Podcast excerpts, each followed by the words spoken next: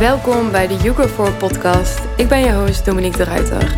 Deze podcast gaat over het actualiseren van innerlijke vrijheid en het belichamen van jouw hoogste zelf.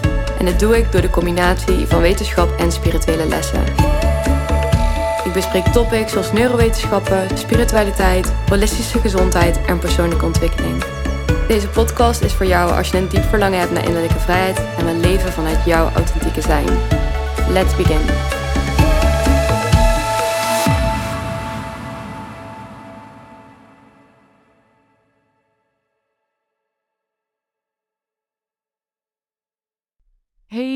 Welkom bij weer een nieuwe aflevering. Vandaag is Shane Roerding bij mij te gast. Shane is een eigenzinnig en holistisch psycholoog, wat betekent dat ze buiten haar psychologische roots een meer holistische aanpak heeft gecreëerd. Shane begeleidt mensen één op één en ze organiseert onder andere ceremonies en retrets en nog best wel veel meer. ik had even op de website gespikt, je doet echt van alles. Uh, en alles is in principe ook gericht op het aangaan van die reis naar binnen. Dus ik wil jou heel graag verwelkomen, Shane.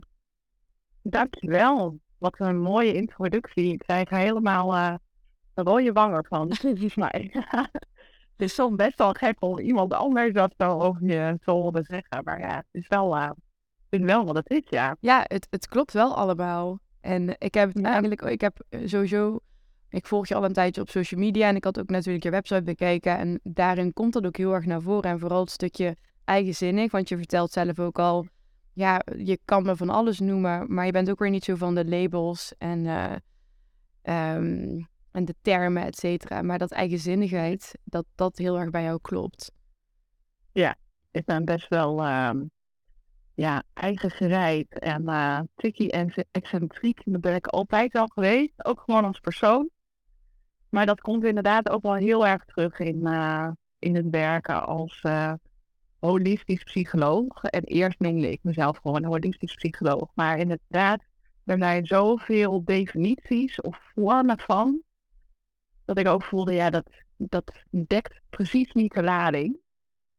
Uh, dus hopelijk doet het extra uh, woord eigenzinnig uh, dat dan wel. Het maakt in ieder geval uh, ja, misschien ook weer wat nieuwsgierig van wat houdt dat dan in. Ja. En uh, nou, het geeft wel aan uh, dat ik het echt anders doe dan hoe we het gewend zijn. En zeker binnen de psychologie. Ja. Ik ben niet uh, je typische psycholoog. Nee. nee, en dat straal je ook totaal niet uit. En we gaan daar in deze podcast sowieso nog over verder vertellen. Want wat ik heel erg mooi vind aan jou, is dat jij, je straalt echt het holistische uit. En is het allesomvattende. Maar ook het, het geaarde. Dus ook het, het stukje gecenterd zijn in jezelf. En dat vind ik ook wel heel erg mooi, juist die combinatie. Want je ziet ook al vaker dat als iemand heel erg in, het, in de energie, et cetera, zit, dat soms ook wel het gecentreerde wat mist. Ja. Uh, en dat straalt, je straalt echt beide werelden uit. Dus dat vind ik sowieso echt super mooi om, uh, om te zien en ook terug te zien op uh, social media. Um, ja. Ja. Mijn allereerste vraag is altijd: wat betekent het voor jou om je zelf te belichamen? Ja, daar heb ik natuurlijk nog helemaal niet over nagedacht. Zo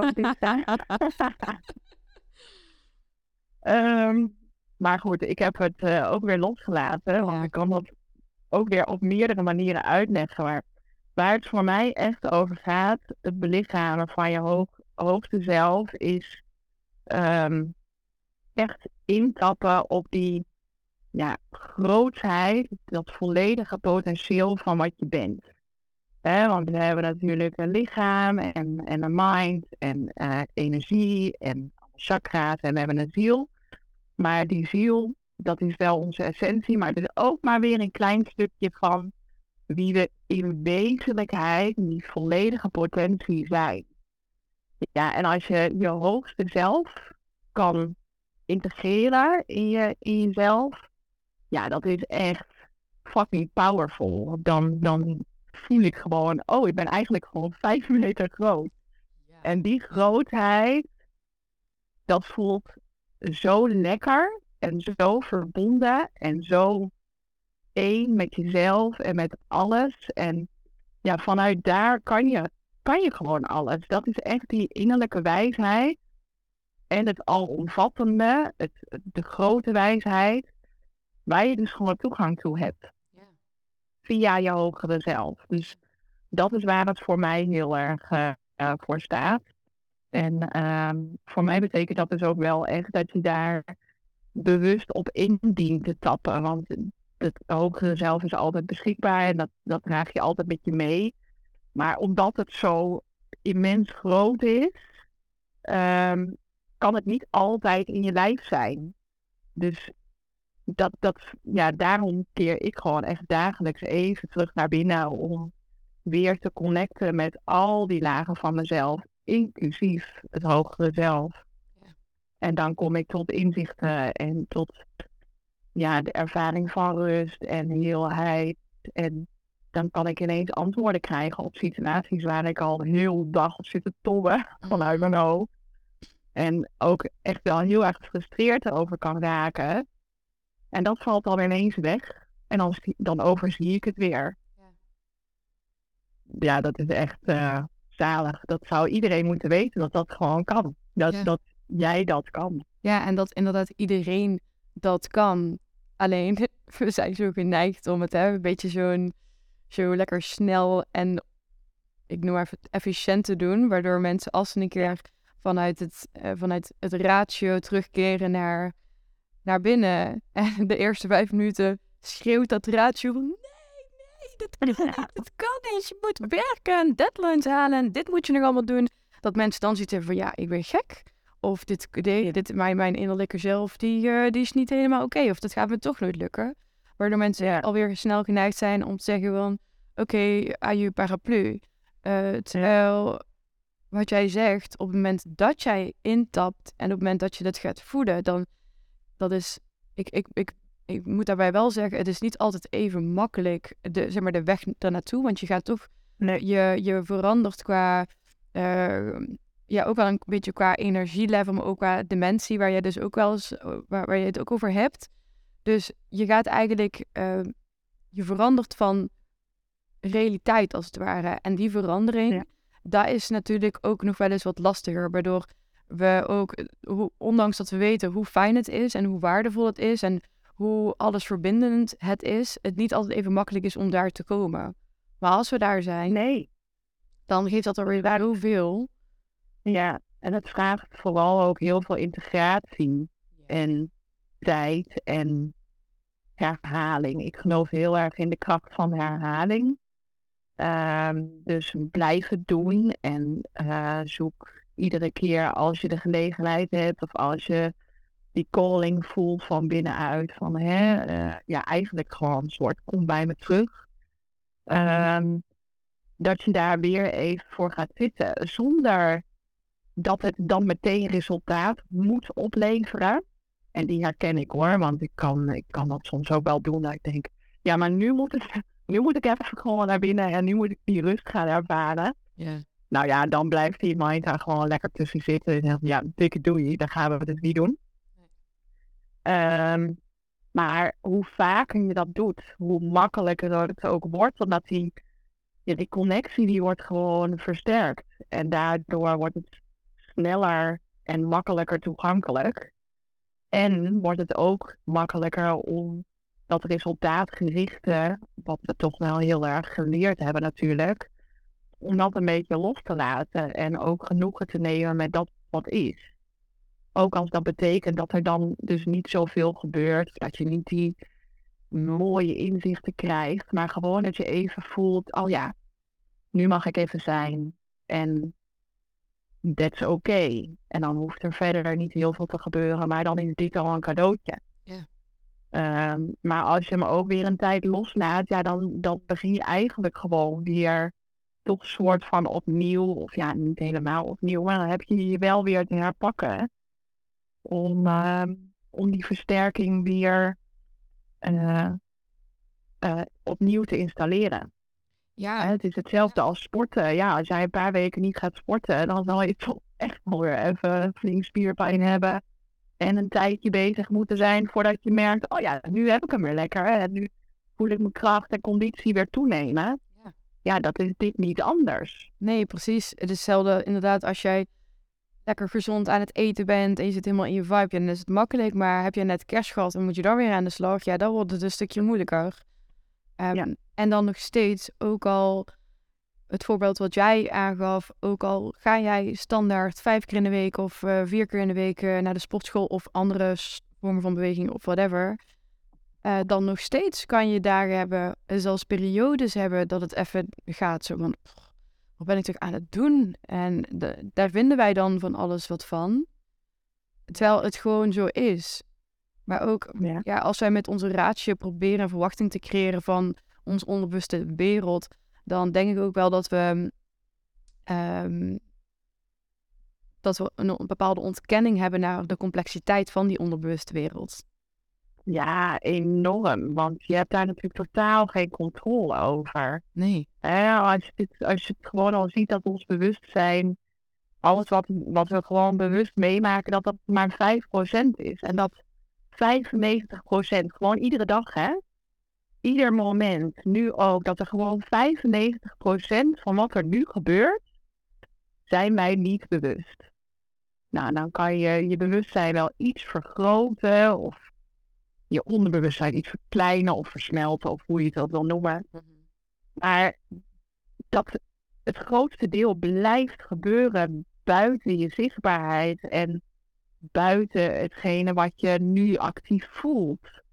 En dat, dat kan je niet altijd doorgronden. Dat lukt gewoon niet. En inderdaad heb je momenten dat je hem wel pakt en dat het al iets duidelijker naar voren is gekomen, waardoor die sneller klikt. Maar er zijn genoeg momenten dat je er gewoon de vinger niet op kan leggen en dat dat ook nooit gaat gebeuren. Maar ook dat is volgens mij niet het doel, dat we het allemaal moeten begrijpen, want de mind is niet voor niks zo klein. En kan het niet voor niks niet helemaal begrijpen. Ik denk dat dat ook een nut heeft, dat dat niet kan. Ehm, dus volgens mij mogen we daar veel minder op richten. Van, oh, ik moet het snappen, ik moet het doorgronden, want dan kan ik het transformeren. Want je kan ook al dat innerlijk werk doen en al die processen laten gebeuren, zonder dat je de hele tijd daar bovenop moet zitten. Want het gebeurt dus ook gewoon vanzelf. Ja. En ik ben ervan overtuigd dat er echt iets is wat jij helemaal dient aan te kijken. En wat je wel volledig moet begrijpen om het te kunnen integreren en dat het jou kan loslaten, dan dient het zich wel aan in een vorm waarop je er dus bewust van wordt en dat je dan als een puzzelstukje weer in het geheel kan leggen en kan zien, oh, zo hangt het allemaal samen. Oké, nou dan kan ik daar nu iets mee of dit begrip is al voldoende. En dan kan ik weer verder in mijn ontwikkeling en groei die niet lineair is. Maar Ja. gewoon iedere keer weer terugkomt in een laagje dieper. Dus ehm, ja, als we dat meer los kunnen laten, dat moeten begrijpen en moeten snappen en helemaal moeten kunnen zien, ja, dan, dan is er ruimte voor zoveel meer. Ja. En dan wil ik ook direct de link maken naar natuurlijk jouw achtergrond als psycholoog. Want Ja. als psycholoog werk je natuurlijk best wel veel met de mind, met het ratio. Ja. Ehm, ik denk dat eh, cognitieve gedragstherapie een van de meest aangenomen therapieën is, als ik het zo mag zeggen. Ja, Je hebt natuurlijk wel de meest bekende. Ja, meest bekende in ieder geval. En je hebt natuurlijk een aantal jaar als echt als psycholoog gewerkt in de praktijk. Ja. Wat dreef jouw keuze om een andere kant op te slaan? Wat, wat, wat veranderde in jou? Of wat maakte dat je die kant op ging? Ehm, nou, dat is, is tweeledig. Ehm, enerzijds merkte ik in mijn werk met cliënten, wat ook weer zo lekker hiërarchisch voelt. Ja, Ik ben de therapeut en jij bent de cliënt. Daarom spreek ik ook niet meer over cliënt inmiddels. Maar dus in het werk met cliënten, ehm, dat je gaat praten over wat heb je meegemaakt, hoe heb je dat ervaren, waarin liep je dan vast, hoe kun je dat anders doen. Ehm, waardoor je dus ja, heel erg op cognitief niveau blijft, heel erg op verbaal niveau blijft en heel erg op bewust niveau blijft. Nou, we zeiden net, dat is maar 5%. Dus dan heb je echt maar een heel klein stukje van het totale spectrum.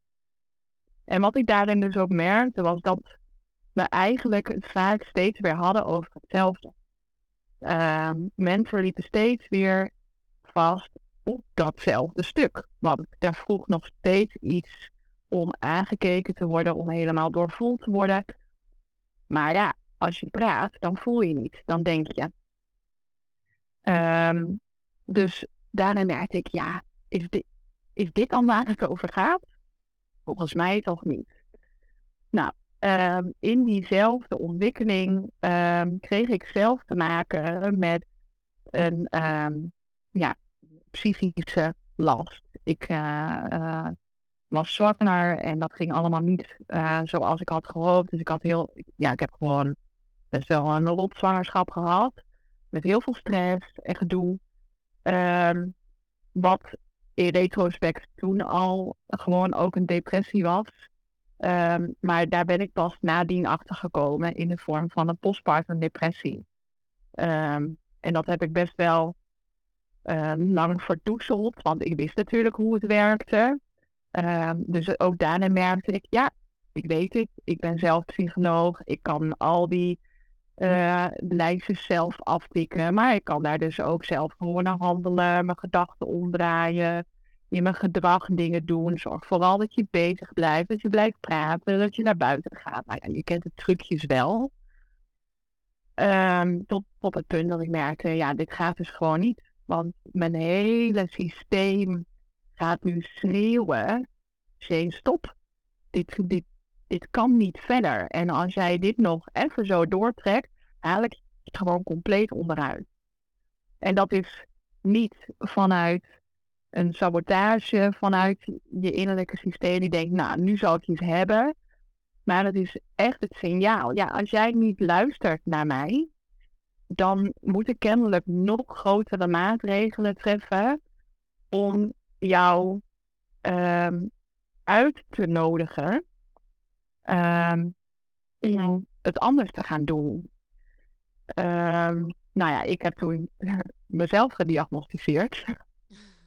Um, postpartum depressie. Ik denk, ja, nu kan ik er echt niet meer onderuit. Dit is aan de orde.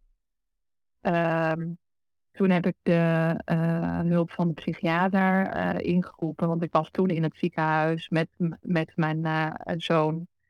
Um, wat, dat was voor hem, maar ik was daar dus ook non-stop. En toen heb ik gezegd, ja, het gaat niet goed bij mij. Ik, dit is aan de hand. En ja, ik ben er gewoon van overtuigd, postpartum depressie. Dus ik moet daar iets mee. Nou ja, psychiater. Oké, nou, hartstikke goed. Ik ben het met je eens. Um, dus dan gaan we, uh, gaan we met medicatie aan de slag ja, oké, uh, ik ben helemaal geen fan van medicatie, uh, maar ik voelde wel, dat heb ik nu wel nodig om te stabiliseren, want het gaat nu echt niet goed.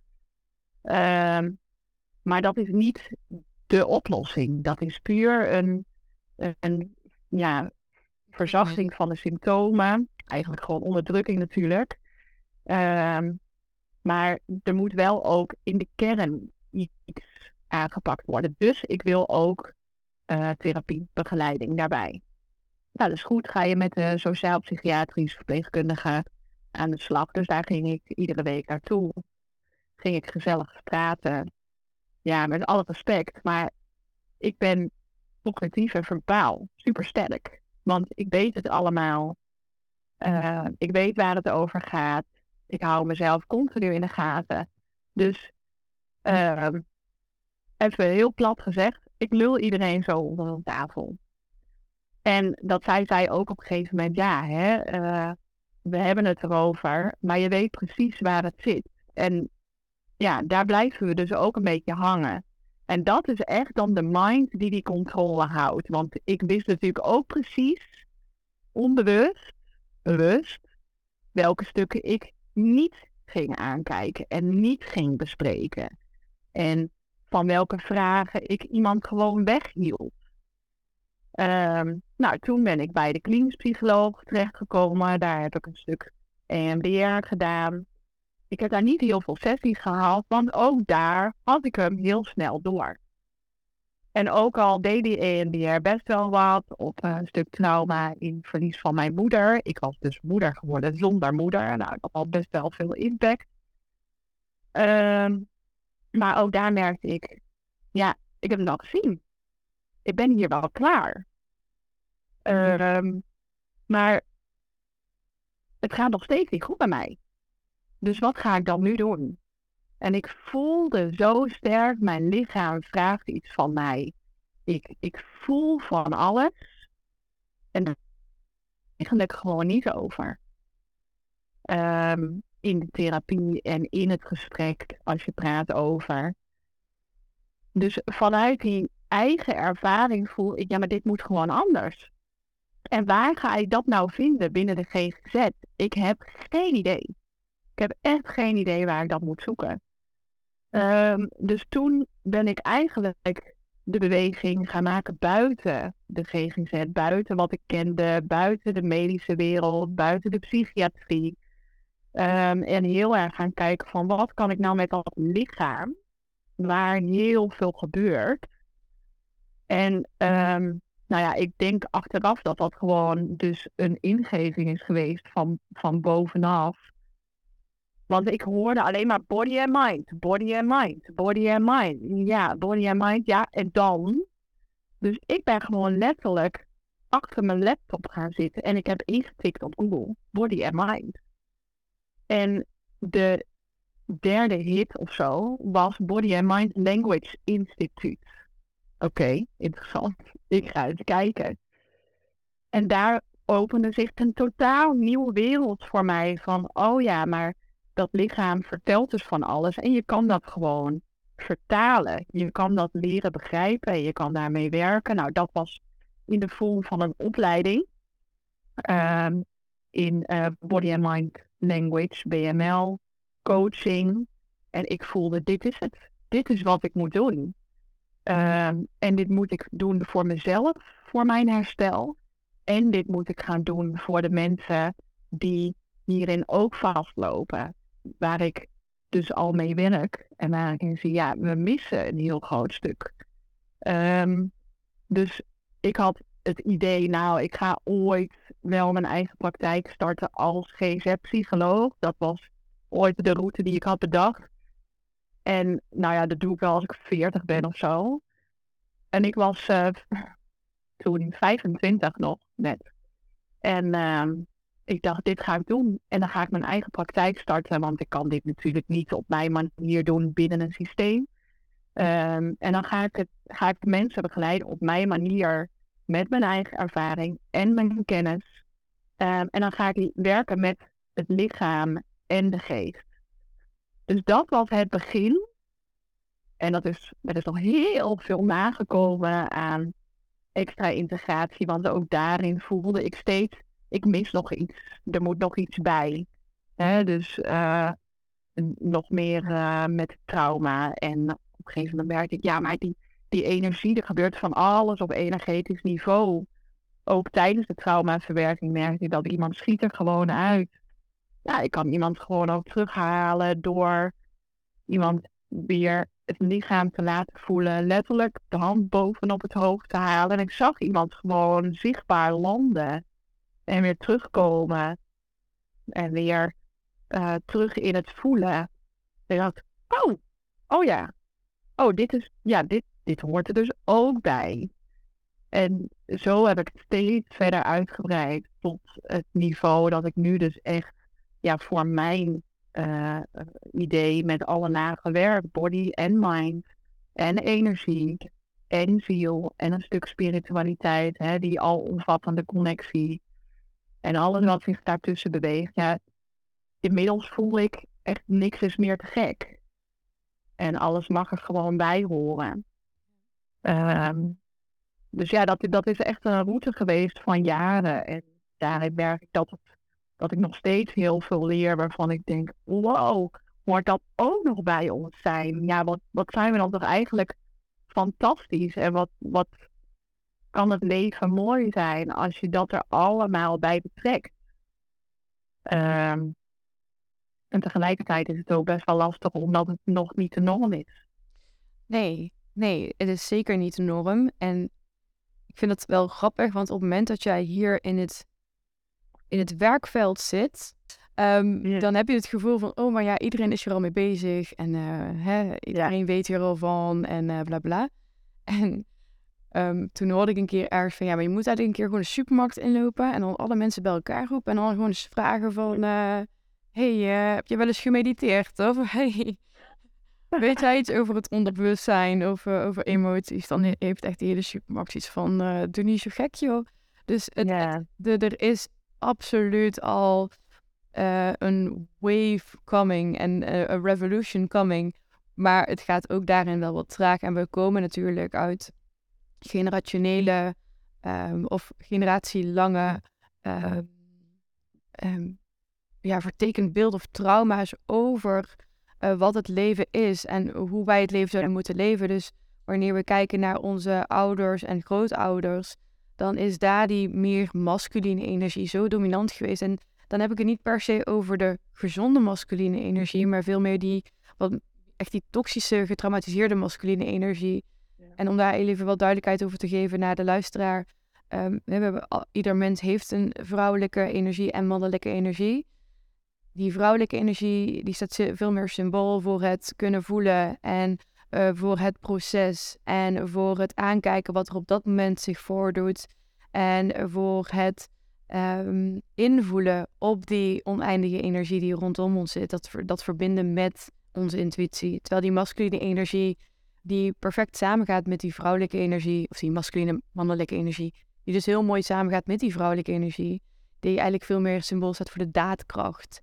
Eh, in actie komen, het daadwerkelijk uitvoeren van wat we voelen, van wat we doorkrijgen vanuit die hogere bron.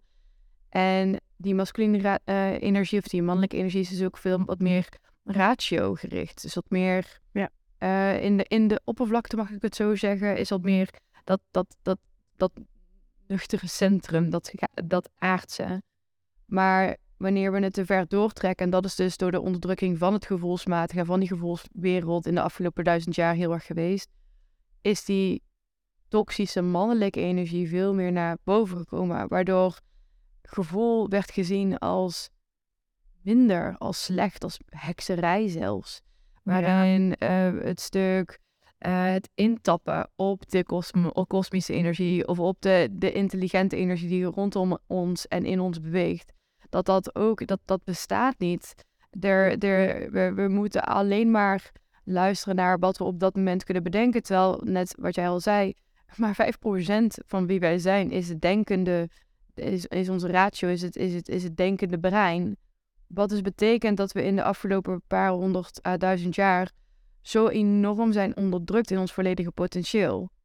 En dan komen we dus ook niet bij die, bij die hogere zelf. En dat maakt natuurlijk ook dat als ik deze gesprekken voer met andere mensen die daar, die daar nog niet helemaal bekend mee zijn, dat die een angst hebben ontwikkeld en een echte weerstand hebben ontwikkeld ten opzichte van emoties. Dus zij vinden daarvan alles wat van. Zij geven aan van um, mijn gevoel klopt niet, of het zegt altijd de verkeerde dingen, of ik mag er niet op vertrouwen, of het is zweverig, of um, ja, doe niet zo gek, weet je wel. Dus er heerst heel veel um, vooroordelen over het gevoel, maar ook heel veel weerstand en stigma's en angst rondom gevoel. Wat het natuurlijk ook wel lastig maakt om dan weer daarop in te tappen. Ja, want er zit natuurlijk een enorme angstcultuur omheen. En inderdaad gewoon eigenlijk heel veel trauma op het voelen. Ja. want angst is een slechte raadgever. Nou, dat, dat zeggen we. Ik ben het daar niet mee eens, want hm. angst vertelt juist heel veel. Betekent niet dat je het helemaal de bovenhand moet laten voelen, maar het betekent wel dat je ernaar hebt te luisteren. Hè, jongens huilen niet. Ja, hoezo niet? Waarom niet? Hebben die, hebben die een basisemotie minder of zo? Ja, alleen blijdschap mag er zijn, maar al het andere niet. Nou ja, de, systeem, ons onbewuste systeem kent helemaal geen filter. Dus als die negatieve emoties, zoals we dat dan lekker labelen, niet mogen, ja, dan ga jij je blijdschap ook niet volledig ervaren. Hè? En um, er zit zoveel afwijzing in ons systeem op het voelen, ehm, dat het immens spannend is om daar wel weer mee te gaan connecten. Ehm, want word ik dan afgewezen? Word ik dan verketterd? Hè? Wat in onze familielijn bij iedereen gewoon zit. Hè? Zeven generaties terug en zeven generaties vooruit zit een trauma opgeslagen. Nou, binnen die zeven generaties voor ons is er wel iemand die gewoon verketterd is. Dus dat zit nog in onze cellen. Dat is echt, uh, moet je even, even op je in laten werken. Dat dat gewoon dus in je systeem zit. En dan gaan we nu zeggen, ja, maar jouw gevoel mag er helemaal zijn. Hmm. Nou, ik voel het gewoon meteen in mijn lijf, terwijl ik weet dat het er mag zijn en ik er zo mee bezig ben. Ik voel gewoon mijn lichaam alsnog reageren vanuit iets ouds, wat helemaal doorgegeven is. Ja, dat is leuk dat jij dat zegt. Maar wat is dan de consequentie? En mag dat dan echt? Of word ik weer ergens slecht gezet? Of word ik klein gemaakt? Of wordt het teniet gedaan? Of wat dan ook. En ehm, je, ziet dat, je ziet dat ook in de opvoeding. En dat is niet eens. Het is echt niet met kwaaie wil. Hè? Ik, ben, ik heb inmiddels drie kinderen.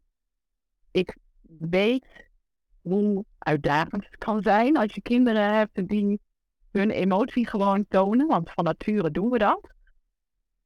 En als je zelf even voelt, oh, ik heb hier zo geen ruimte voor. Om dan je kind toch die ruimte wel te geven. En niet te, zeggen, nou gaat het weer? Of hè, het valt wel mee. Of afleiding te zoeken. Waarmee je eigenlijk allemaal het signaal geeft, jouw emotie mag er gewoon niet zijn.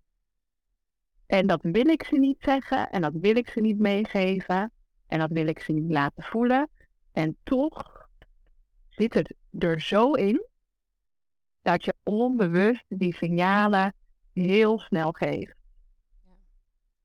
En um, nou ja, ik denk wel dat, dat we nu in deze tijd en misschien zelfs wel onze generatie nu met uh, hè, kinderen of kinderen die nog gaan komen, dat we daarin een heel groot verschil maken om dat dus om te draaien en de volgende generatie, onze kinderen, echt mee te geven dat het wel ook er gewoon bij hoort.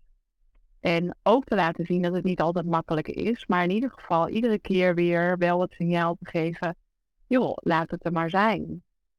En onszelf daarin te helen en onze voorouders daarmee te helen. Want je kan gewoon dat, die heling ook teruggeven. En dus ook die zeven generaties vooruit daarin al die heling mee te geven. Ja, daarin hebben we veel te doen. Ja, we hebben hartstikke veel te doen. En ik geloof ook wanneer je aan de slag gaat met uh, emotiewerk um, of onderbewustzijnwerk of whatever, schaduwwerken, maakt even niet uit hoe je het, hoe je het. Dat heel veel van wat we verwerken op dat moment of van wat we voeden op dat moment helemaal niet van ons is. En dat we des te meer we het wel op ons gaan betrekken, dat we juist des te meer in een soort van rattendoolhof komen. Want dan gaan we natuurlijk juist wel met ons ratio uh, bedenken van ja, maar waar komt het dan vandaan? En dit en dit. Terwijl ook juist dat die gevoelswereld heel erg uitnodigt tot het voelen van wat er op dat moment gevoeld wil worden. Ja. En daar wil ik echt niet zeggen dat jij als een of andere monnik uh, tien uur of twaalf uur per dag op een matje moet gaan zitten om maar in je binnen, binnenwereld te, te blijven. Dat helemaal niet. Maar wat jij straks ook al zei, jouw lichaam geeft signalen af. Dat kunnen innerlijke signalen zijn door um, een, een, eh, een, innerlijke drang of door bepaalde emoties of sensaties. Of je misschien niet helemaal lekker voelen of je heel onrustig voelen. het kunnen ook door uh, signalen zijn die vanuit de buitenomgeving op ons worden geprojecteerd. In de vorm van bijvoorbeeld synchroniteiten of juist in de vorm van uh, dingen die mensen vertellen waarop je denkt van oh ja, hm, dat raakt mij of dat doet mij wat. En dan is het, als we daar ruimte voor creëren dan kunnen we ook zeggen van oké, nou ga ik ervoor zitten. Zonder de verwachting te hebben van En now all my problems are solved. Wanneer ik een meditatie heb gedaan van vijf minuten. Alleen ook daarin, in onze maatschappij, zoveel mensen hebben daar geen tijd voor. Dus eh, kijk, het, het, het, het, universum of die, die intelligente bron, die geeft continu signalen. En ook jouw lichaam geeft continu signalen van... hey, dit wil ik tegen jou zeggen, dat wil ik jou vertellen, dat wil ik jou vertellen. Alleen omdat we ons zo verdomd druk hebben gemaakt... en ons zo hebben volgepland van ochtends vroeg tot s avonds laat. Niet eens met alleen maar hè, werk, maar ook met social media en met het nieuws en whatever. Allemaal die verslavende ja. middelen maakt dat heel veel mensen die signalen helemaal niet opnemen. En wat je straks ook zei, hè, toen je graag zelf die hulp nodig had, jij wist goed, bewust, onbewust, wat je niet wilde voelen. En het gaat daarin ook heel vaak, oké, wat wordt er verteld, maar wat wordt er vooral ook niet verteld? Ja. Want daar gaat het ook heel vaak om. Wat wordt er niet... Ja, daar gaat het eigenlijk alleen maar om. Precies. Ja. Hè? Wat wordt er niet verteld, maar wat laat je dus zien en wat laat je lichaam voelen. En hè, dat hele, als je het communicatiemodel bekijkt, dan is 7% van onze communicatie is verbaal. En de rest is middels lichaamstaal, dus houding en beweging, maar ook uh, uh, beeldspraak, spreekwoorden, waarin je heel veel duidelijk maakt, hè, de knoop in de maag. Ja, dat kan natuurlijk letterlijk niet. Maar toch kennen we hem allemaal en het gevoel ook. En we hebben toon van kleur. Dus dat, dat is allemaal uh, non-verbale communicatie. En dan zijn we zo gebrand op de woorden. Terwijl we dus eigenlijk gewoon ook zouden kunnen communiceren, of we communiceren al zonder woorden. En dat vertelt veel meer. En als je daar dus ook voor kan hebben, Ehm, ja, dan krijg je ineens toegang tot een schat aan informatie. Um, die je ook dus niet hoeft te begrijpen om te helen. Want jij zegt dat heel uh, accuraat. Het gaat er uiteindelijk om dat je het voelt.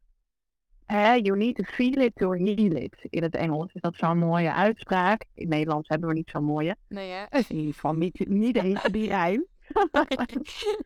um, maar dat klopt wel. Het, enige wat je systeem vraagt is voel het, doorvoel het, voel het helemaal.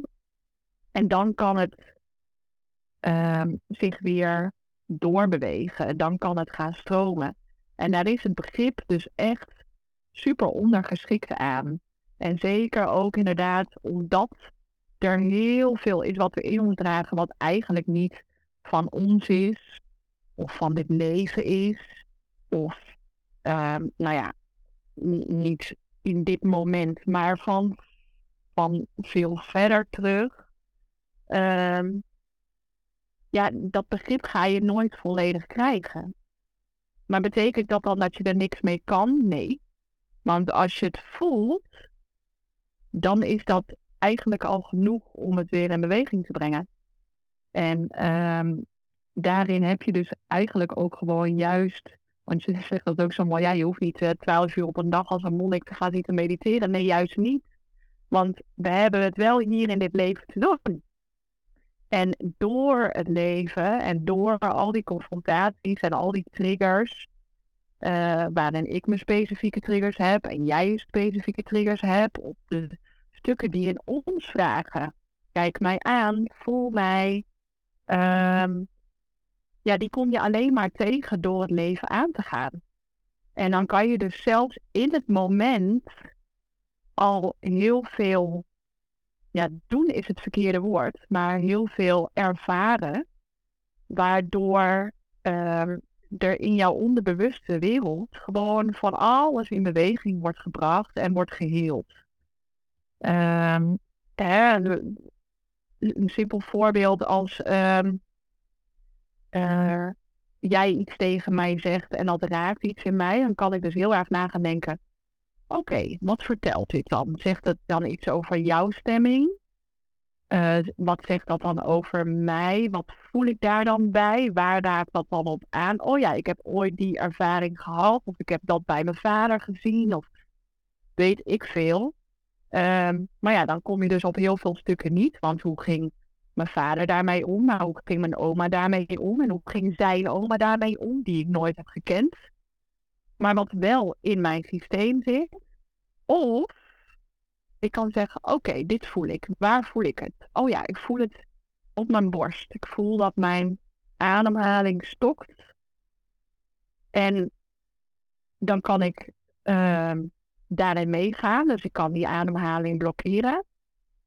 Ehm, maar ik kan het nu sowieso opmerken. Oh ja, dat gebeurt. Dat is al voelen. Dat is al erkenning. Dat is al bewustwording. En dan kan ik vervolgens kijken, kan ik die ademhaling weer wat in beweging brengen? Nou, dat kan ik. Oké. Moet ik dan weten wat er met die ademhaling allemaal nog meer in beweging komt? Nee, dat hoef ik alleen maar gewoon te ondergaan. En dan gebeurt er vanzelf wel wat er moet gebeuren. Dus ik ga rustig ademen. En ik voel dat ik weer tot rust kom. En ik voel ook dat het ergens nog een beetje blijft knellen. Die komt niet helemaal los. En dat is oké.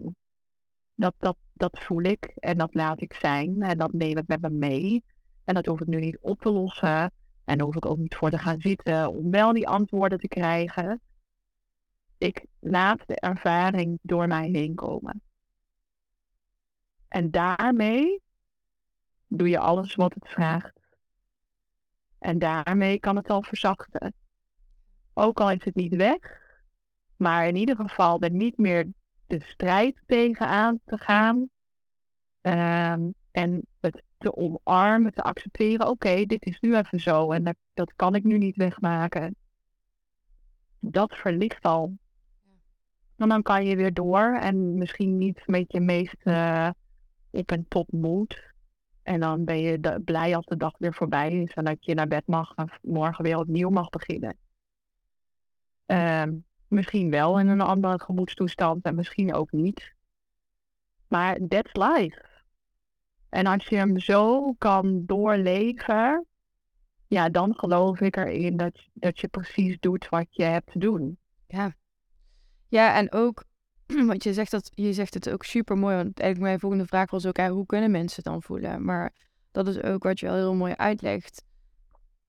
Het sowieso al gewoon present zijn of present zijn in jezelf. En gewoon observeren wat gebeurt daar. En soms is die gedachtegang nog zo sterk aanwezig dat het moeilijk is. Maar dat is oké. En je gaat het gewoon voelen.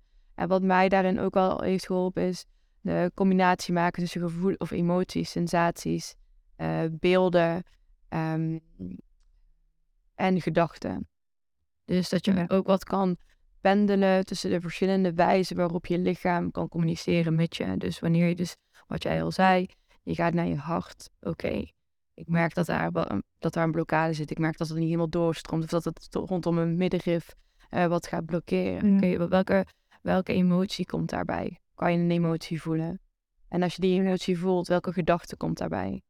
En als je die gedachte voelt, um, welke sensaties komen er dan?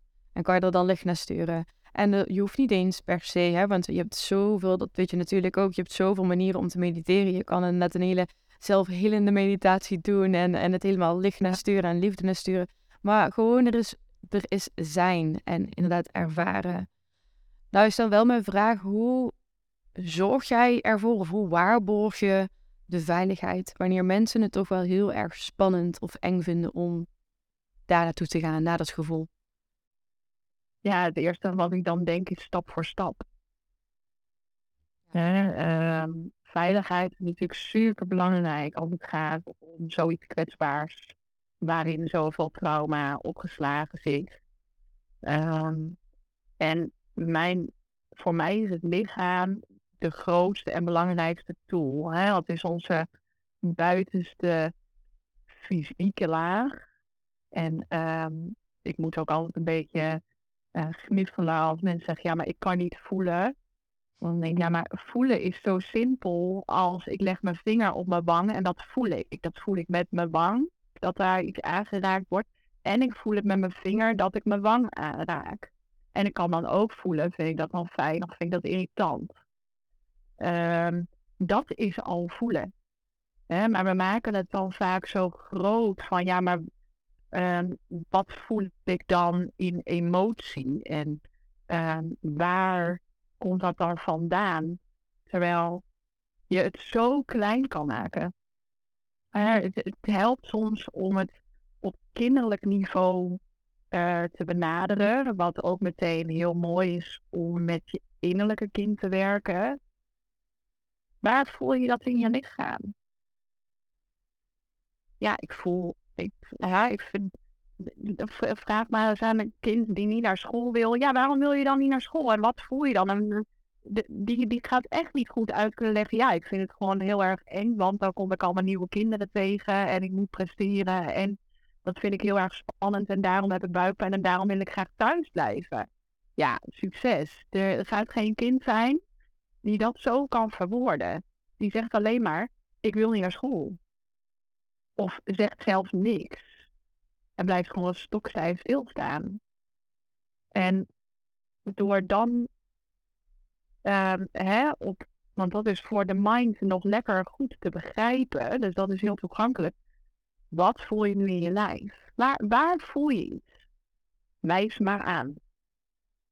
Hè? En dat, dat, dat kan je altijd.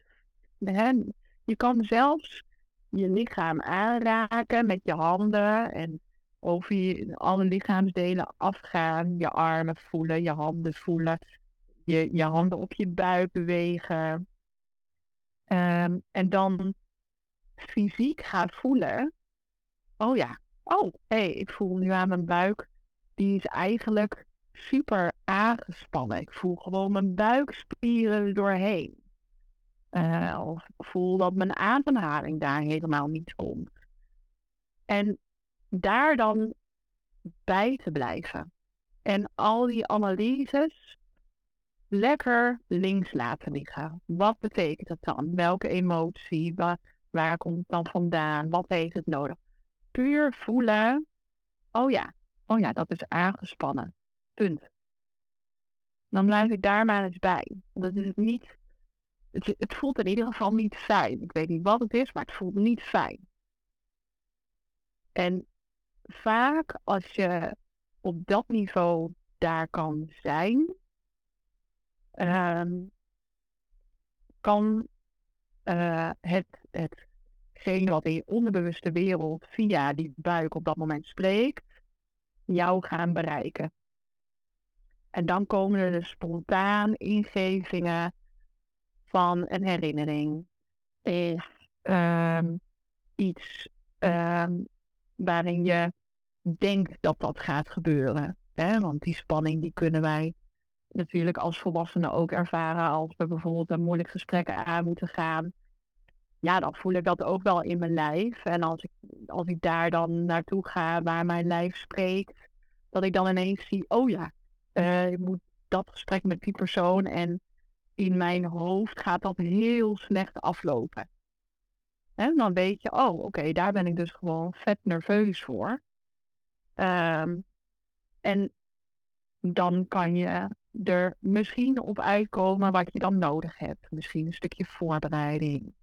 Of um, ja, iets wat je met je lichaam kan doen in dat moment.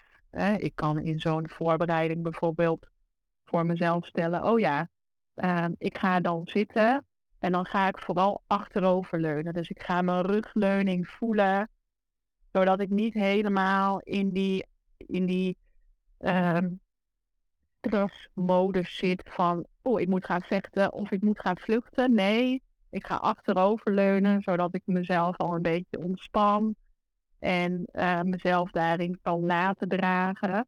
Nou ja, dat is dan iets voor mij wat voor mij werkt, maar dat kan voor jou weer iets heel anders zijn. En zo kan je daar een beetje mee gaan spelen. Ja. En dat, dat, zo mag je hem ook benaderen. Spelen, jezelf leren kennen, je lijf leren kennen. Hoe communiceert mijn lijf? Wat zijn mijn weerstandspunten? Dus waar geeft mijn lichaam aan, joepie, er zit stress. Iedereen heeft zo zijn kwetsbare plekken. Bij mij zijn dat bijvoorbeeld ook mijn heupen. Als ik uh, als ik stress heb en ik merk dat een tijdje niet op, dan gaat mijn lichaam dat opslaan in mijn heupen. En dan word ik op een gegeven moment wakker met heel veel pijn. Dan weet ik, oh, oké, ik heb iets ergens over het hoofd gezien. En dan kan ik ofwel mezelf daarop gaan veroordelen, want hè, Shane, waarom heb je dat nou niet opgemerkt? Je had dit voor kunnen zijn. Of ik kan het benaderen van, oh, nou dankjewel lijf dat je me dit nu laat merken. En dan ga ik nu kijken ehm, wat mijn systeem daarin van me vraagt. Oh ja, ik ben weer veel te hard aan het hollen. Hm, mag ik wel weer wat meer rust pakken en wat meer zelfzorg en wat meer hulp vragen. En nou, dan komt daar van alles uit voort. Puur vanuit de signalering. Hé, hey, mijn lichaam geeft iets aan. En dat te voelen. En er zijn ook genoeg momenten, en daar zit ik toevallig nu middenin. Uh, mijn lijf is op allerlei manieren aan het protesteren op een diep transformatieproces waar ik in zit. Ja, ik snap er soms echt de ballen van. Ik, uh, ik krijg mijn vinger er niet op gelegd. En dat vind ik dan heel irritant, want ik wil het graag begrijpen. En ik wil weten hoe dat transgenerationeel eruit ziet. Hè? Daar, ja, ik hou van die diepgang. Daar zo, echt, jij zo. ook. Ja. En het zou zo handig zijn als je gewoon zeg maar een soort van PowerPoint-presentatie of Canva-presentatie zou krijgen van hier, dit zijn je generationele problemen. Ja, dat zijn je past life experience problemen. Ja, ja, helaas. Nee, ik heb er nog niet kunnen vinden. Misschien even maar ja, dan, hè, dan heb je daar dus ook gewoon stukken in die je niet helemaal gaat begrijpen. En het enige wat ik dan kan doen is iedere keer weer opmerken. Oh, het ging eigenlijk wat beter.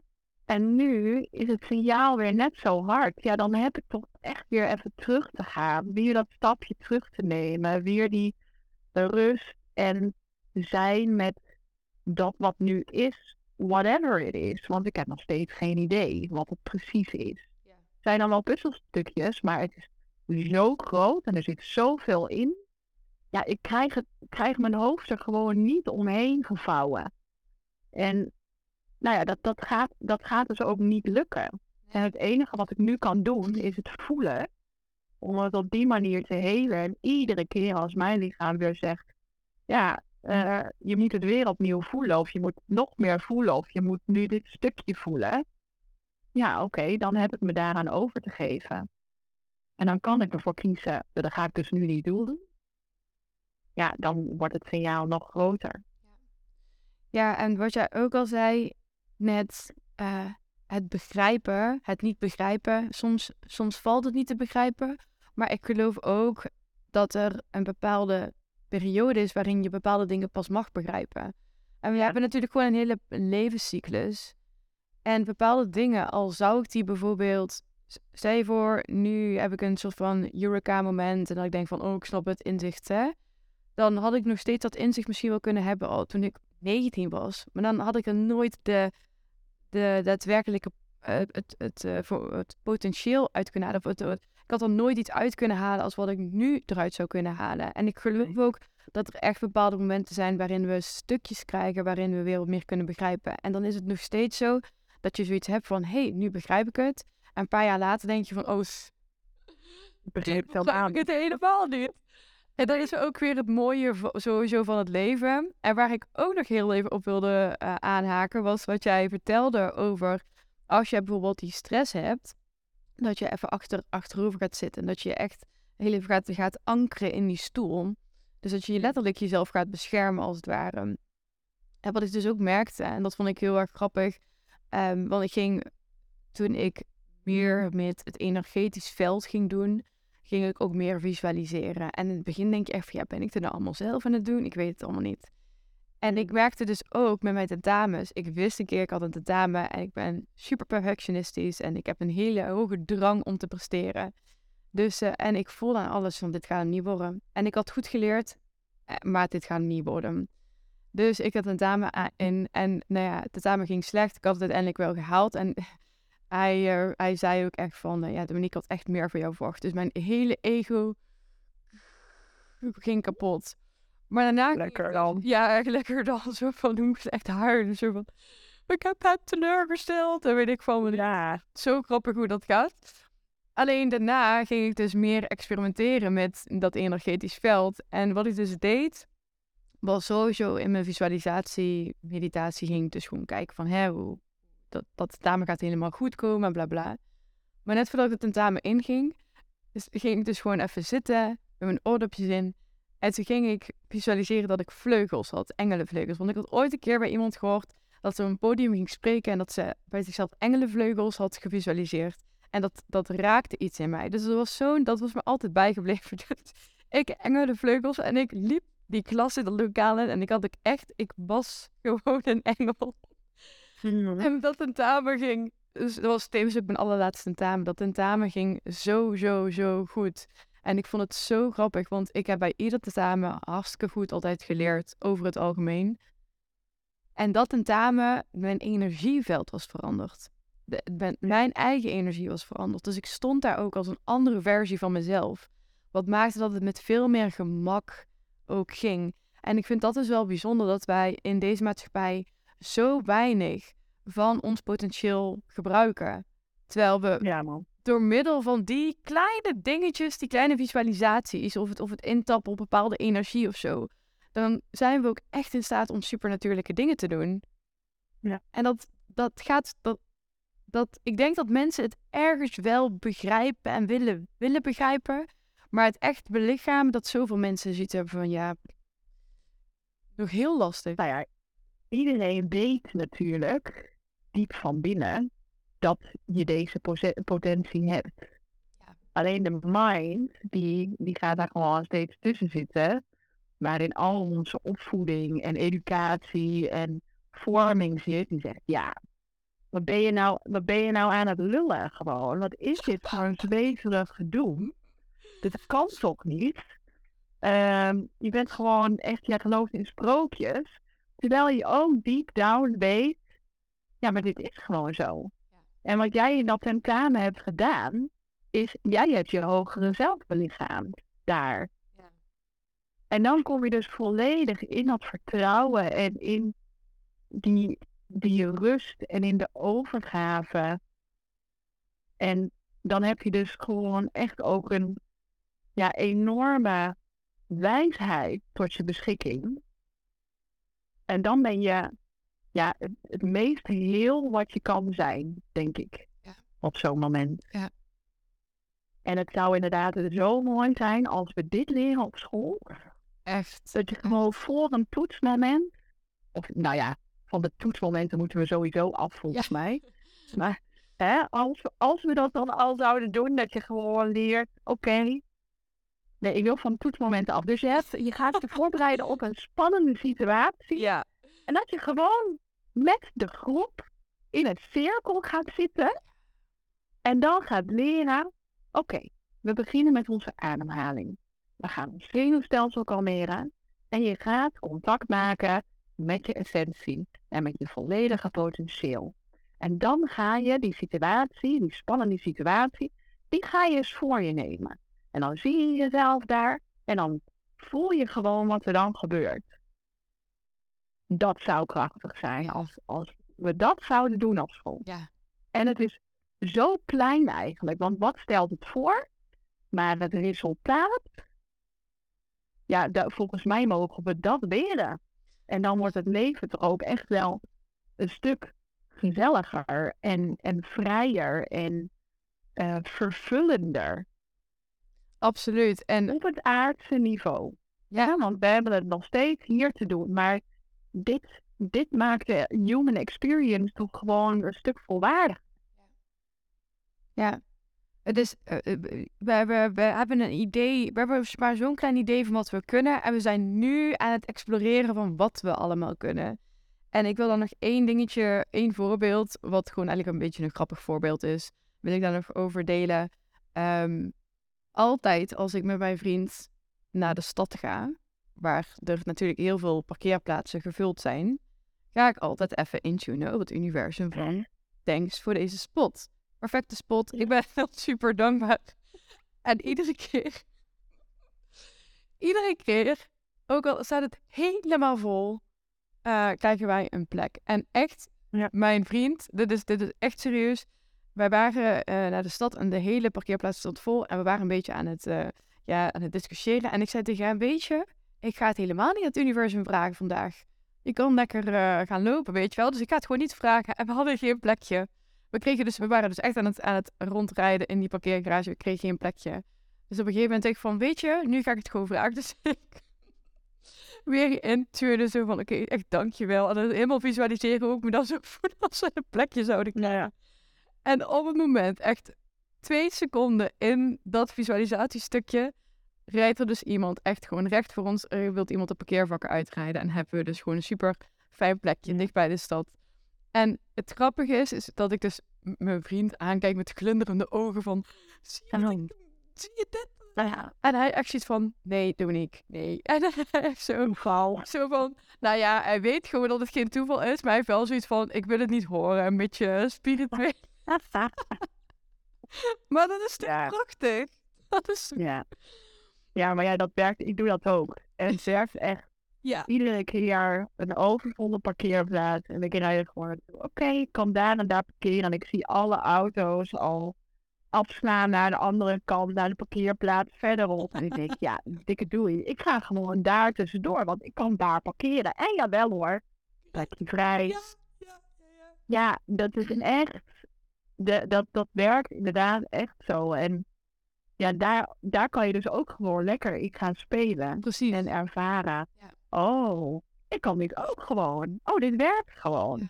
En dan, ja, dan ontstaat er een heel nieuw veld waarin je kunt gaan exploreren. Ja. Want het zijn wel vaak die kleine dingetjes waarin Ja. die je dus wel de zekerheid geven om er verder in te exploreren. Want als je, als je bijvoorbeeld echt over grote dingen praat, dan is het soms nog wat moeilijker, of dan vindt je ego daar al helemaal wat van. Maar de kleine dingetjes die je toch wat meer zekerheid en vertrouwen gaan geven en wat meer verbinding gaan geven, die geef je ook weer hè, die zekerheid van, oh, maar ik ga het vaker doen, want het doet dus wel iets. Ja. Ja. Hoe eh, integreer jij, want we hebben het nu al over gehad, over bodywork, lichaamswerk, met het lichaam, in het lichaam voelen, in het lichaam zijn. Eh, we- net hebben we even inderdaad een uitstapje gemaakt, hè, intappen op dat energetisch veld. Ja. Hoe integreer jij dat energetisch veld in jouw werk? In jouw passie, als ik het zo mag zeggen? Ehm, ja, dat gaat eigenlijk volledig automatisch.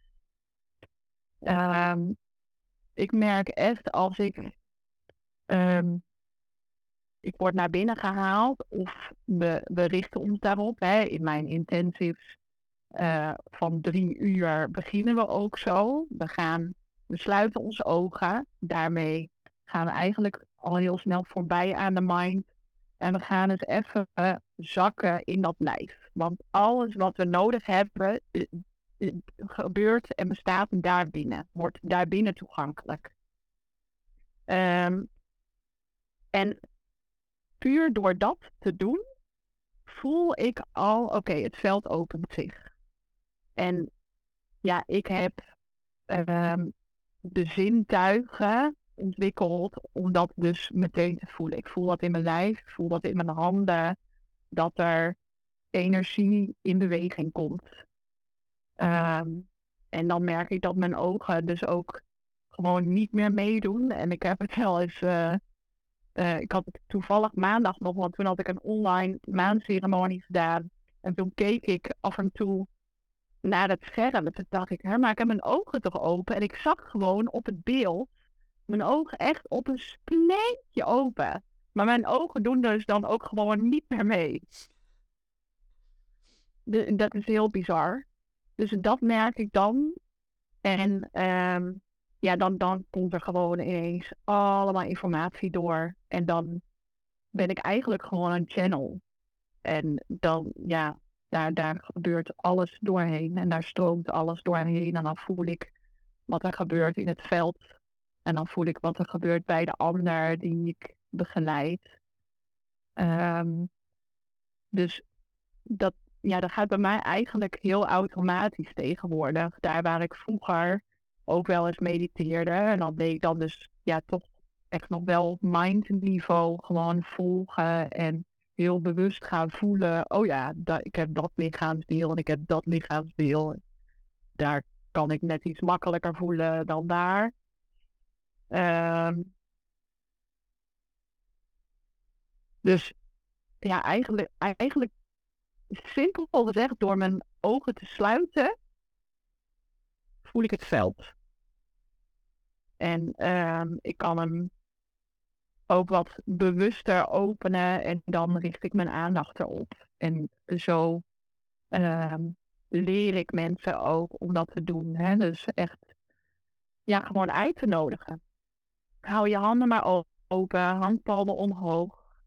Want ik geloof dat iedereen dat vermogen heeft. Want iedereen heeft een lichaam. Dus je kan daar gewoon ook de energie mee voelen. En nodig maar uit. Nodig jezelf maar uit om er helemaal te zijn. Nodig je gidsen maar uit. Nodig alle helpende energieën maar uit. Ehm, ja, whatever waar je mee wil werken. En, ehm, en dan, dan ontstaat er gewoon ja, een soort dubbel. Waar, waarbinnen het veel makkelijker wordt om te visualiseren. En om ehm, ergens naartoe te werken. Dat, ja, dat is hoe ik de energie, het energetische veld pak.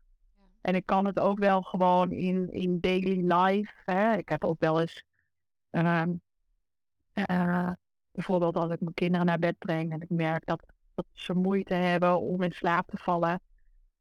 Ja, dan ben ik er in eerste instantie niet zo bewust mee bezig met de energie. En als ik merk, oh ja, ze hebben ergens last van of ze kunnen niet helemaal zakken in dat lijf, wat voor slaap natuurlijk heel belangrijk is. Gewoon puur door de intentie te stellen, oh ik help je erbij. En ik ga eens even voelen waar de energie nu vasthangt. Voel ik meteen, meteen hoe mijn handen actief zijn. En voel ik meteen hoe ze kunnen zakken en daar naartoe te begeleiden. Ehm, dus door de intentie te stellen, ook in daily life. En ook dat kan je in de supermarkt doen. Ja. En ook gewoon, oh, eens even voelen. Hoe, is het daar? Oh, daar, uh, daar wil ik niet langs bewegen of daar wil ik wel zijn. Um, kan je daar ook al contact mee maken, want energie is natuurlijk overal, alles is energie. Ja. ja. Dus heel ja, gericht met, met de intentie of uh, ja, op het moment dat ik mijn ogen sluit, voel ik hem meteen. Ja, mooi. Ja, ik denk dat dat ook de key factoren zijn. Um, dus je zal ook wel de, de invloeden en de prikkels van de buitenwereld heel even moeten dimmen om überhaupt dat veld te kunnen ervaren, in welke wijze je dat ook ervaart. En wat jij ook heel mooi zegt, is intentie. Want ik heb ook echt het gevoel dat intentie mij echt heeft geholpen om dieper in te tappen op dat veld. En in het begin dacht ik van ja, maar ik kan dat niet. En uh, hè, je hebt hele spirituele mensen en die kunnen dat dan. Maar ik mm. kan dat niet. Dus voor mij was bijvoorbeeld. In het begin had ik, uh, heb ik verschillende plantenceremonies, plantenmedicijnceremonies gedaan. En die hebben echt al heel veel opengemaakt, maar ook ook veel meer vertrouwen en, en herkenning gecreëerd. Mm. Daarna hebben bijvoorbeeld mij begeleiden of geleide of begeleide meditaties geholpen. Dus je creëert een bepaald verhaal. Wat eigenlijk niets anders doet dan ervoor zorgen dat je meer kan zakken in, hè, in jezelf. En dat je ook gewoon gaat opwekken wat je al kan. En uiteindelijk maakte dat dus dat ik vertrouwen genoeg had om het zelf aan te gaan. En dat kan inderdaad door middel van visualisatie zijn, maar dat kan ook gewoon door middel van voelen zijn. dat wat ervaar je? Wat ervaar je met je zintuigen wellicht, maar wat ervaar je ook buiten je zintuigen?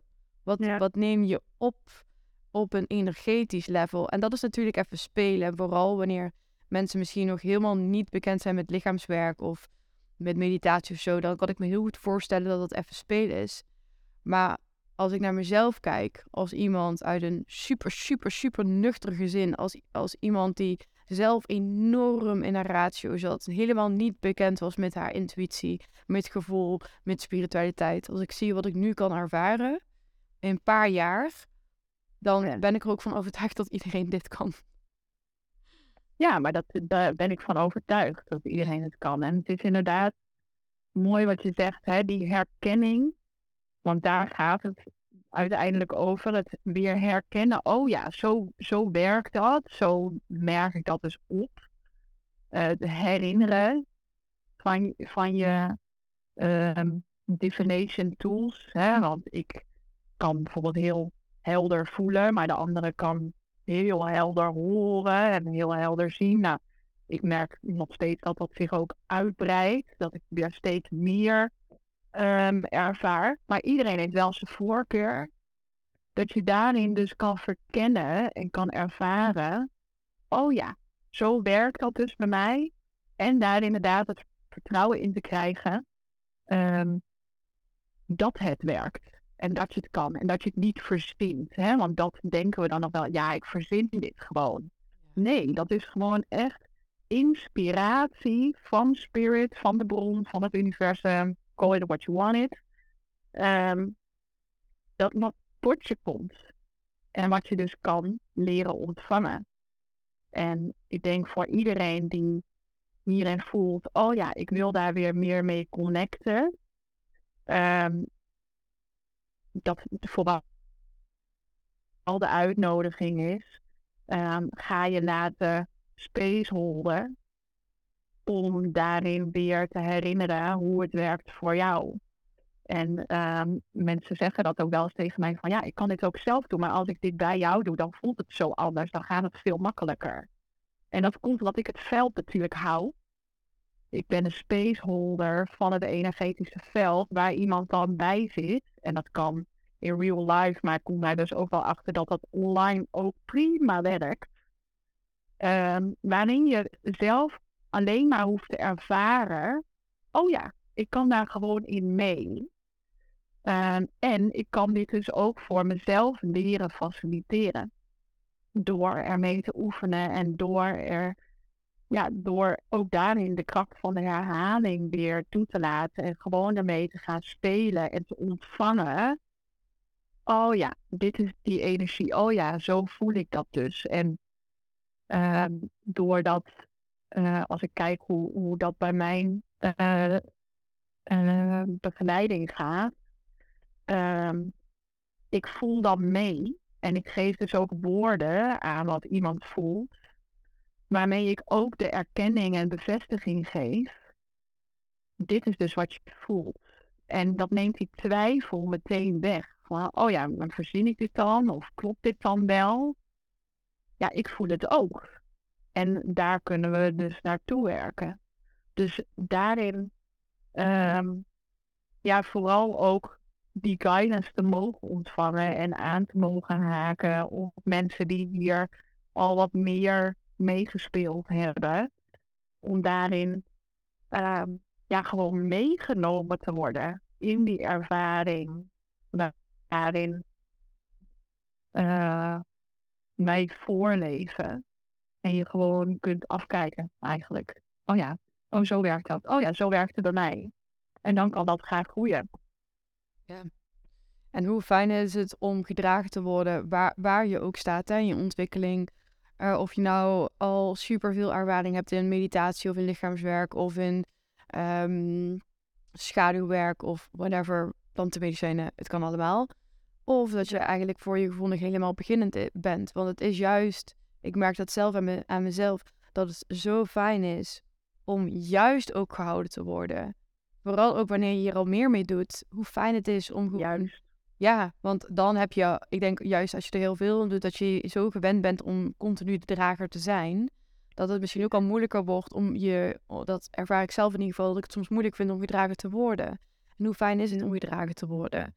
En ik, ja, ik zelf doe, is ik plan gewoon echt regelmatig momenten in waarin ik echt heel, uh, dat ik meedoe met een ceremonie of dat ik echt naar een energiewerker ga of whatever, om ook weer mij te laten dragen. Want als jij continu andere mensen draagt, het is continu een, een, een, een, een verbinding natuurlijk. Er is dus een soort van stroming. Als jij je niet kan laten dragen, dan is het ook heel moeilijk om andere mensen te dragen natuurlijk. Ja. Of je neemt het allemaal op je en je draagt mensen maar, je draagt mensen maar, je draagt mensen maar, totdat je lichaam zegt van ja, oké, nu ben ik er wel een beetje klaar mee. Nu laat je jezelf maar eens een keer dragen. Dus ja, heel... ja het, is, het is een, er hoort een balans te zijn tussen het geven en het ontvangen. Ja. En we hoeven niet alles zelf te doen. Dus je mag inderdaad ook terugvallen op elkaar en elkaar dragen en daarin de wisselwerking. Ja, ja het is een illusie dat uh, als je dit in de vingers hebt, dat je het dan allemaal alleen kan. Want we zijn toch helemaal niet. Het is toch niet de bedoeling dat we het allemaal alleen doen? Daar zijn we toch niet voor gemaakt. We zijn kudde dieren als, als mens, maar we zijn ook in de energie allemaal verbonden. Dus ja, daarin vind, ja, vind ik het heel logisch dat die uitwisseling daar ook is. En inderdaad, je kan uh, alleen maar mensen spelen en faciliteren als je uh, zelf dat gevoel hebt van gedragen te worden. En als je jezelf daarin ook voldoende uh, ja, ook weer oplaat. Door even gewoon op iemand anders te mogen leunen en helemaal in die overgave te kunnen gaan. En weer nog dieper te kunnen verbinden dan wanneer je het allemaal zelf doet. Het is gewoon echt wel anders. Doe je het zelf of doe je het in een spaceholding door iemand anders. Dat merk ik ook nog steeds. Absoluut. Um, Shane, ik heb nog een vraag. Want we hebben het over allerlei zaken gehad. Is er nog iets wat je graag mee zou willen geven aan de luisteraar? Uh, ja, zoveel. Ik denk dat wij nog uren door zouden kunnen praten. we gaan sowieso nog een keer praten. ja. Um, nou ja, wat, wat ik vooral um, heel graag mee zou willen geven is... Um, iedereen kan dit. Iedereen heeft het vermogen om op een holistische manier naar zichzelf te kijken en alles vanuit het holistische perspectief te benaderen, waardoor je veel meer mogelijkheden hebt. Ehm, en neem daarin ook vooral de regie. dus begin met voelen, wat voel ik überhaupt? Um, hoe wil ik daarmee omgaan? En uh, welke vorm van hulp of guidance of wat dan ook uh, wil ik daarbij ontvangen? Want jij hebt de keuze. En je kan alles in de mix gooien en je kan zeggen, ik, vind, ik wil dat een stukje medisch oppakken en ik wil dat een stukje uh, energetisch oppakken en ik wil dat um, in uh, met een stukje spiritualiteit of wat dan ook oppakken. Je hoeft niet, het is geen of-of verhaal. We mogen het allemaal integreren, want we zijn veel meer dan alleen maar een lichaam of alleen maar een mind of alleen maar een energetisch um, zwevend iets. het, het, de kracht zit in de integratie denk ik. Niet alleen spiritualiteit, niet alleen het aardse. Hè? We zeiden dat helemaal in het begin, je doet het ook op een aardse manier. Ja, want ik vind dat wel heel erg belangrijk dat het ergens samenkomt. Um, en daarin zit hem voor mij de kracht.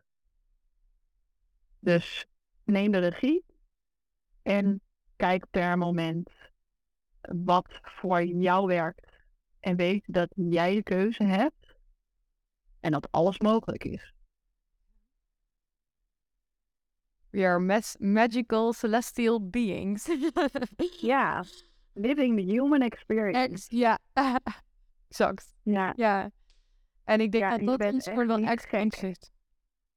Sorry.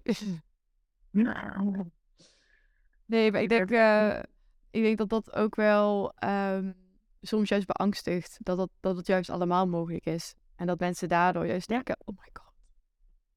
Ja. Ja. Ja, maar het hoeft ook niet allemaal in één keer. En uh, hey, je zei toen straks ook zo goed van, er is ook voor alles een juiste tijd. Uh, want je kan het niet allemaal in één keer doen. En ja, je proces, die, die, die gaat op een mysterieuze wijze En iedere keer komt er wel weer een stukje waar je op dat moment aan toe bent. Ehm, dus volg maar. En weet dat je alles aan kan. Maar weet ook dat het niet allemaal nu meteen in één keer moet. Want dit is een never-ending story, hè? En je bent in, in het aardse leven pas klaar als je doodgaat. Tot die tijd blijf je hier leren. En daarna mag je gewoon nog een keertje terugkomen of zo. Of ga je naar een andere dimensie. Of, hè, want voor de ziel stopt het dan natuurlijk nog steeds niet. Ehm, maar het hoeft dus ook niet klaar te zijn. En dat is ook wel iets wat ik nog mee wil geven.